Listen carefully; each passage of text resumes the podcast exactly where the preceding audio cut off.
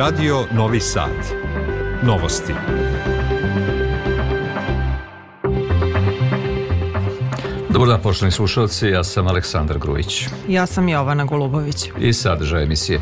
Pred nama je godina najvećih ulaganja u vojsku, izjavio predsednik Aleksandar Vučić prilikom posete dežurnom operativnom centru Vojno-bezbednostne agencije. Institut za javno zdravlje Srbije dr. Milan Jovanović Batot saopštio da za sada nema potrebe za proglašenjem epidemije velikog kašlja. Američka vojska izvela novi napad na položaje Huta u Jemenu. Julijanska nova godina biće dočekana na trgovima mnogih gradova u Srbiji uz bogat muzički program. Noćas počinje Australian Open, Novog Đoković u pohodu na 11. titulu u Melbourneu. U Vojni do kraja dana uglavnom vedro, sutra malo toplije temperatura do 6 stepeni. U Novom Sadu prema poslednjim merenjima stepen iznad nule. Biće ovo godina najvećih ulaganja u vojsku, najavio je predsednik Aleksandar Vučić prilikom posete dežurnom operativnom centru Vojno-bezbednostne agencije, iskazavši uverenje da će u narednoj i 2026. godini okolnosti dozvoliti da malo manje investiramo u vojnu opremu i u naoružanje. Naš položaj nije lak jer smo jedina zemlja u regionu koja nije u NATO-u, a situaciju dodatno težava to što se nastavlja rušenje međunarodnog pravnog poredka protiv zakonitim naoružavanjem kosovskih snaga sa konačnim ciljem da sa tog prostora nestanu Srbi. Stiže im američka, turska, nemačka i britanska oprima i naoružanje, a budžet vojske i policije u Prištini formacije koje ne bi smjela da postoje u poslednje četiri godine uvećanje više nego dvostruko. Takozvane kosovske snage bezbednosti se transformišu u skladu sa planom Sjedinjenih američkih država i pod mentorstvom SAD treba dostignu 5.500 pripadnika uz moguće stvaranje rezerve od 20.000 vojnika, zbog čega se razmatra i uvođenje obaveznog vojnog roka u Prištini da bi te zadatke mogli da ispune. Te oružane snage do, 2020, do 2027. osim lakog streljačkog naoružanja treba da budu opremljene sa preko 350 borbenih oklopnih vozila, helikopterima, protivoklopnim vođenim raketama, samohodnim i nabacačima, haubicama, protivvazduhoplovnim sistemima, izviđačkim taktičkim borbenim leti, letalicama i takozvanim killer dronovima ili dronovima kamikazama.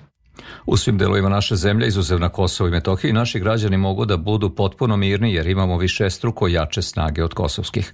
Sav slobodan novac na računu Jugoimporta SDPR-a 186 miliona evra potrošit ćemo na kupovinu oruđa i oružja domaće namenske industrije, a privodimo kraju opremanje naših protiv vazduhoplovnih sistema, navaje Vučić. To je prvi paket. Mi pripremamo sada novi paket od još 150 miliona evra i još 400 miliona evra.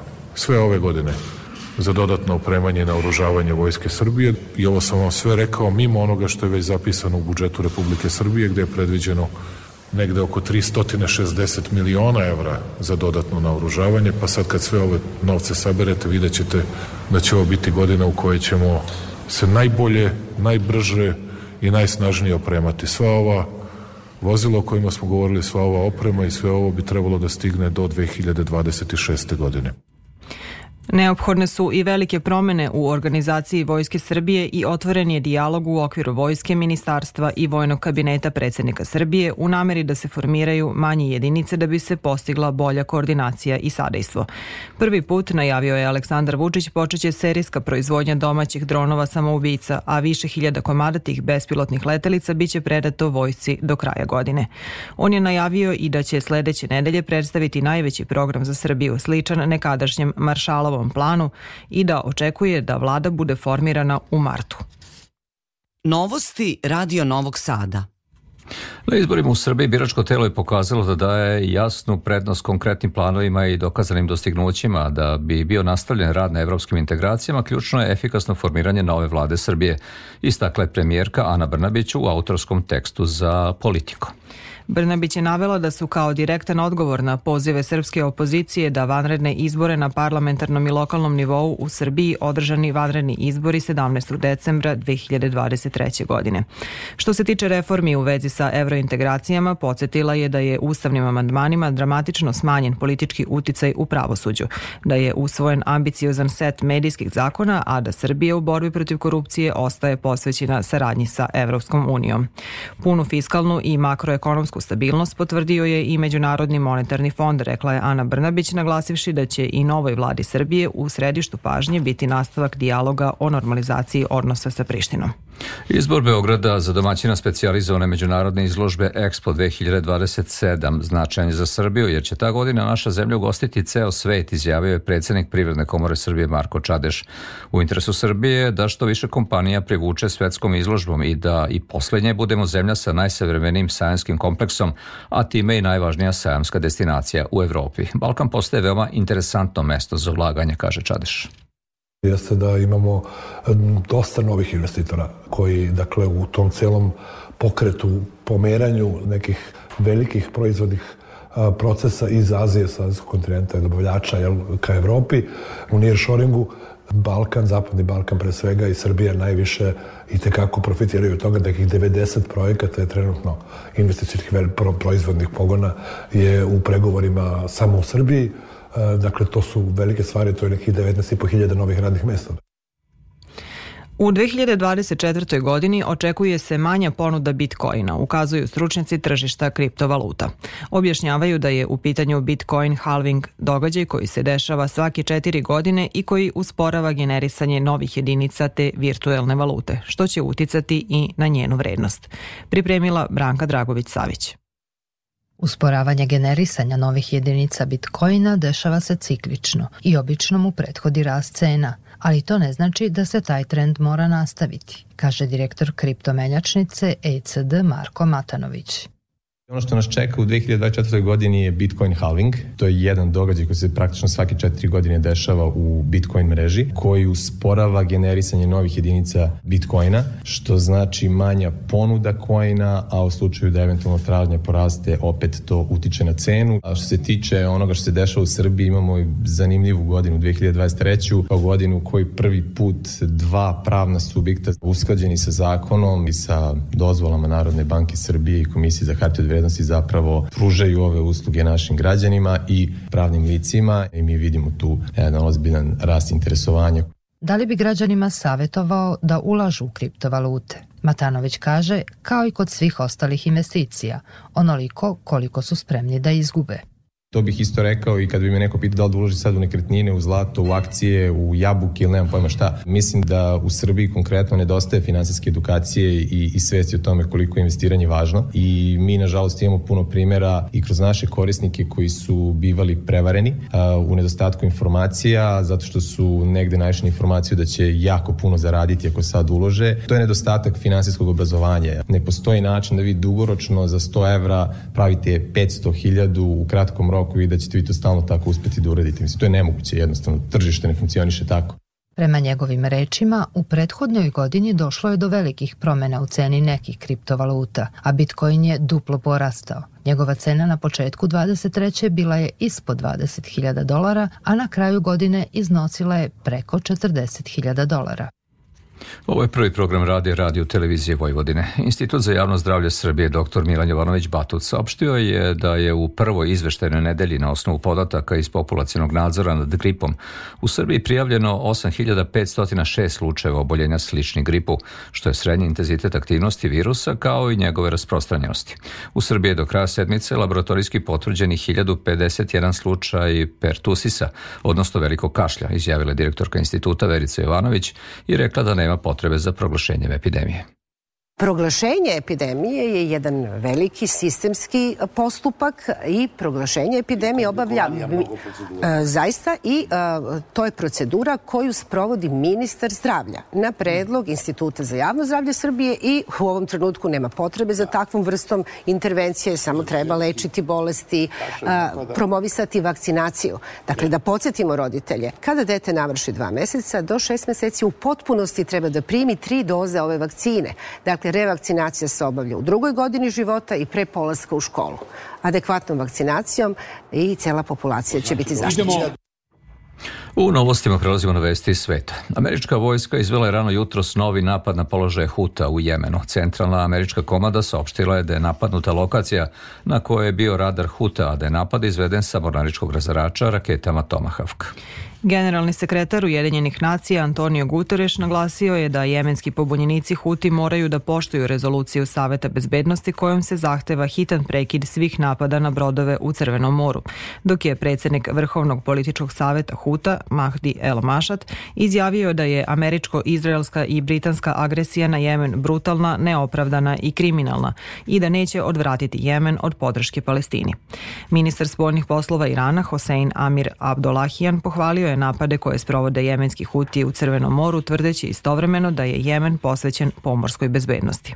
Podsekretar Ujedinih nacija za humanitarna pitanja Martin Griffiths rekao je da je situacija na severu pojasa Gaze užasna, ističući da su tela preminulih ostavljena na ulici i da su ljudi na ivici smrti od gladi. On je na sednici Saveta bezbednosti upozorio da rizik od gladi raste iz dana u dan, pošto zalihe hrane i vode ponestaju, dok je zdravstveni sistem u kolapsu.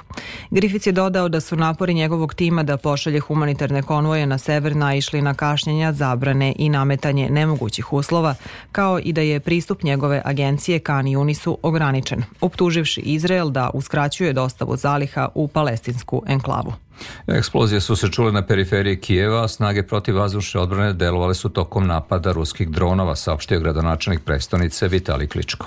Prethodno je vazduhoplovstvo oružanih snaga Ukrajine javilo da su ruske trupe lansirale jurišne dronove tipa Šahid iz severnog pravca, kao i da je Rusija jutros napala Ukrajinu sa nekoliko projektila Kinžal. Na Telegram kanalu Ukrajinskog vojnog vazduhoplovstva navedeno je da su projektili lansirani prema Kijevu, Viničkoj i Žitomirskoj oblasti. Na celoj teritoriji Ukrajine na snazi je vazdušna opasnost. Turska je danas izvela vazdušne napade na kurdske militante u susednom Iraku i Siriji nakon što je u jučerašnjem napadu na tursku vojnu bazu u Iraku ubijeno devet turskih vojnika. Ministarstvo odbrane Turske saopštilo je da je avion turske avijacije gađao mete u mestima na severu Iraka, ali nije preciziralo koja područja u Siriji. U saopštenju se navodi da su borbeni avioni uništili pećine, bunkere, skloništa i naftna postrojenja sa ciljem da se eliminišu teroristički napadi na turske građane i bezbednosti bezbednostne snage i da bi bila osigurana bezbednost granice. Velika zimska oluja donela je ledene vetrove i obile steže padavine u mnogim delovima Sjedinjenih američkih država, ometajući putovanja i ostavljajući hiljade ljudi bez struje. Oluja će biti praćena oštrom hladnom arktičkom hladnoćom tokom vikenda sa temperaturom oko minus 45 stepeni u nekim oblastima. Američka nacionalna meteorološka služba procenila je da je stiglo zimsko vreme opasno po život, a upozorenja su izdata u skoro svim saveznim državama državama jer se predviđa sneg od Oregona na zapadu do Mejna na istoku. Više od 70 miliona ljudi živi u područjima na koje se odnosi vremensko upozorenje. Julijanska nova godina, koju proslavlja Srpska, Ruska, Gruzijska pravoslavna crkva, Sveta Gora i Jerusalimska patrijaršija i ove godine biće dočekana na trgovima mnogih gradova u Srbiji uz bogat muzički program. Više od 30 muzičkih događaja u organizaciji Fondacije Novi Sad 2021 biće upriličeno večeras u Novom Sadu povodom dočeka nove godine po julijanskom kalendaru. Nastupi će biti u Srpskom narodnom pozorištu, pozorištu mladih i Novosadskom pozorištu, kao i u Kulturnom centru i koncertnoj dvorani u Novom Sadu. Doček će između ostalog biti organizovan i u Studentskom kulturnom centru, fabrici i kulturnim stanicama u gradu i u okolini. Detaljnije Milan Rakić. Nakon proslave nove godine po Gregorijanskom kalendaru u Novom Sadu, koja je privukla više desetina hiljada posetilaca, više od 150 izvođača uvešće novosađane i posetioce iz drugih gradova i država u Julijansku novu godinu. Među izvođačima su jedna od najboljih harfistkinja sveta Catherine Finch, elektropop četvorka iz Liverpoola Lady Tron, Richard Galijano, kao i domaći regionalni izvođači Lena Kovačević, Vlatko Stefanovski, Kanda Kođa i Nebojša i Neverne bebe. Doček Gregorijanske nove godine u Novom Sadu bio je besplatan, na ulaznice za nastupe povodom Julijanske će se naplaćivati. Ulaznice za većinu koncerata su već rasprodate, kaže Milana Milovanovi iz fondacije 2021. Sve se naravno nalazi na našem sajtu dočeknese.rs, a svakako i na sajtu Geeksixa preko kojeg a, mogu da se takođe online nabave ulaznice i ono što je jako važno jeste da i dalje traje posebna akcija mm -hmm. za događaje koji su u distriktu, dakle to je SKCNS fabrika, za njih i dalje traje akcija, tako da uz jednu kupljenu ulaznicu svi dobijaju još jednu ulaznicu gratis. U organizaciju dočeka nove godine po julijanskom kalendaru već sedmu godinu za redom uključene su gotovo sve institucije kulture u Novom Sadu. Taj doček je prilika da publika iz okolnih gradskih mesta poput Bukovca, Rumenke i Kovilja može da uživa u kvalitetnim kulturnim sadržajima u svojim mestima. Ono što je važno jeste da je i samim izvođačima interesantno da sviraju uh, u takvim prostorima, u mestima koje su nadomak Novog Sada, a ne samo u uh, Novom Sadu, jer je to i za izvođače važno sa te strane što uh, na taj način nekako dobijaju, da tako kažemo, i novu publiku. Susreću se sa nekim uh, novim iskustvom. Posetiocima u manjim okolnim mestima time će biti omogućen susret sa poznatim muzičarima. Zaključuje Milana Milovanovi iz Fondacije 2021. U sklopu kulturnih i zabavnih aktivnosti koje je Beograd priredio svojim građanima i gostima tokom manifestacije nazvane Beogradska zima 2023-24, bit će organizovani doček Srpske nove godine na Trgu Republike koji će početi u 21 sat i 30 minuta. Beograđane i goste Srpske predstavnice očekuje muzički spektakl kome će nastupiti Saša Matić i Teata Irović. Neposredno pre ponoći na Kuli Beograd biće emitovana specijalna novogodišnja projekcija sa nacionalnim simbolima, praćena pirotehničkim performansom na nebu iznad Save. I širom Republike Srpske organizovan je doček nove godine po julijanskom kalendaru.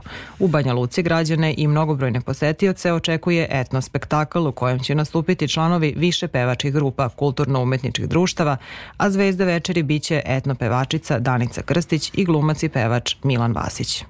Uprko s apelima nadležnih da se ne koriste pirotehnička sredstva, svedoci smo da njihova popularnost za vreme praznika ne jenjava. Najčešće povrede koje mogu izazvati su opekotine, ali je veliki rizik od povreda mekog tkiva i kostiju.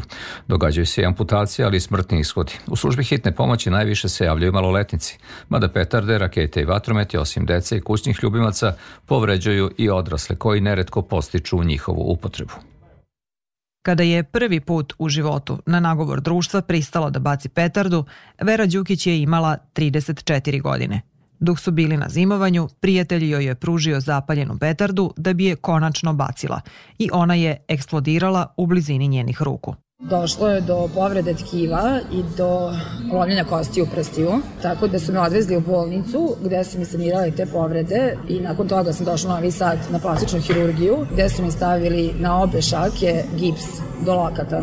Oporavak je, kaže, bio mukotrpan i dug. Dva meseca sam išla na previjanje na plastičnu hirurgiju gde su mi svaki dan skidali po deo tkiva zato što je došlo do nekroze prstiju. Posle tri meseca sam krenula na rehabilitaciju s tim što ti prsti koji su bili slomljeni su bili jako dugo u gipsu pa su zbog toga atrofirali. Vera, kao i mnogi drugi koji su osetili ozbiljnost povrede koju može da prouzrokuje pirotehničko sredstvo, više ga nikad neće upotrebiti a svima kojima tuđe priče i apeli nisu dovoljan motiv da ne koriste petarde i rakete, doktorka Nikolina Marić iz Novosadskog zavoda za hitnu medicinsku pomoć savetuje šta da rade ukoliko dođe do povrede koliko samo pekotine, da se ispiru vodom, stave vlažnu sterilnu gazu i naravno da li će pozvati hitnu pomoć ili odvesti u najbližu ambulantu, a ukoliko dođe do amputacije, amputirani deo prsta ili ruke da se stavi na led vezan u kesu sa vodom i ledom i donese u bolnicu kako bi se spasio deo tela. Doktor kao pominje roditelje da decu ne puštaju da koriste pirotehnička sredstva, posebno bez nadzora, jer ne umeju pravilno da rukuju njima. Ističe da se zbog upotrebe petardi i vatrometa hitna medicinska pomoć najčešće ukazuje upravo deci. Snažan zvuk pirotehničkih sredstava izaziva i veliki stres kod osoba sa autizmom, kao i kod kućnih ljubimaca. Prema podacima MUPA, zbog praska petardi od srčanog udara ugine oko 5000 pasa godišnje. I Vraćamo se uh, vestima iz sporta. U noći između subote i nedelje počinje Australian Open, prvi Grand Slam turnir u sezoni. Novak Đoković je u pohodu na 11. titula Australije i jubilarni 25. Grand Slam pehar. Srbija će u mušoj konkurenciji imati još tri predstavnika u Melbourneu, Lasla Đerea, Dušana Lajovića i Miomira Kecmanovića i u ženskoj konkurenciji samo Aleksandru Krunić. Od naših tenisera prvi na teren izlazi Novak Đoković. Njegov rival je splićanin Dino Prižmić. Meč na Rod Laver areni biće odigran sutra od 9 sati po srednjoevropskom vremenu. Sport. Čuli ste vesti iz sporta, a sad ćemo čuti šta, se, šta, smo, e, šta smo imali u našoj emisiji kao uobičajeno. Pred kraj novosti još jednom saopštamo najvažnije iz emisije. E, pred nama je godina najvećih ulaganja u vojsku, izjavio predsjednik Aleksandar Vučić prilikom posete dežurnom operativnom centru Vojno-bezbednostne agencije. On je najavio i da će sledeće nedelje predstaviti maršalov plan za Srbiju, kao i da očekuje da vlada bude formirana u martu. Institut za javno zdravlje Srbije dr. Milan Jovanović Batut saopštio da za sada nema potrebe za proglašenjem epidemije velikog kašlja. Američka vojska izvela novi napad na položaje Huta u Jemenu. Julijanska nova godina biće dočekana na trgovima mnogih gradova u Srbiji uz bogat muzički program. Noćas počinje Australian Open, Novak Đoković u pohodu na 11. titulu u Australiji i 25. Grand Slam pehar.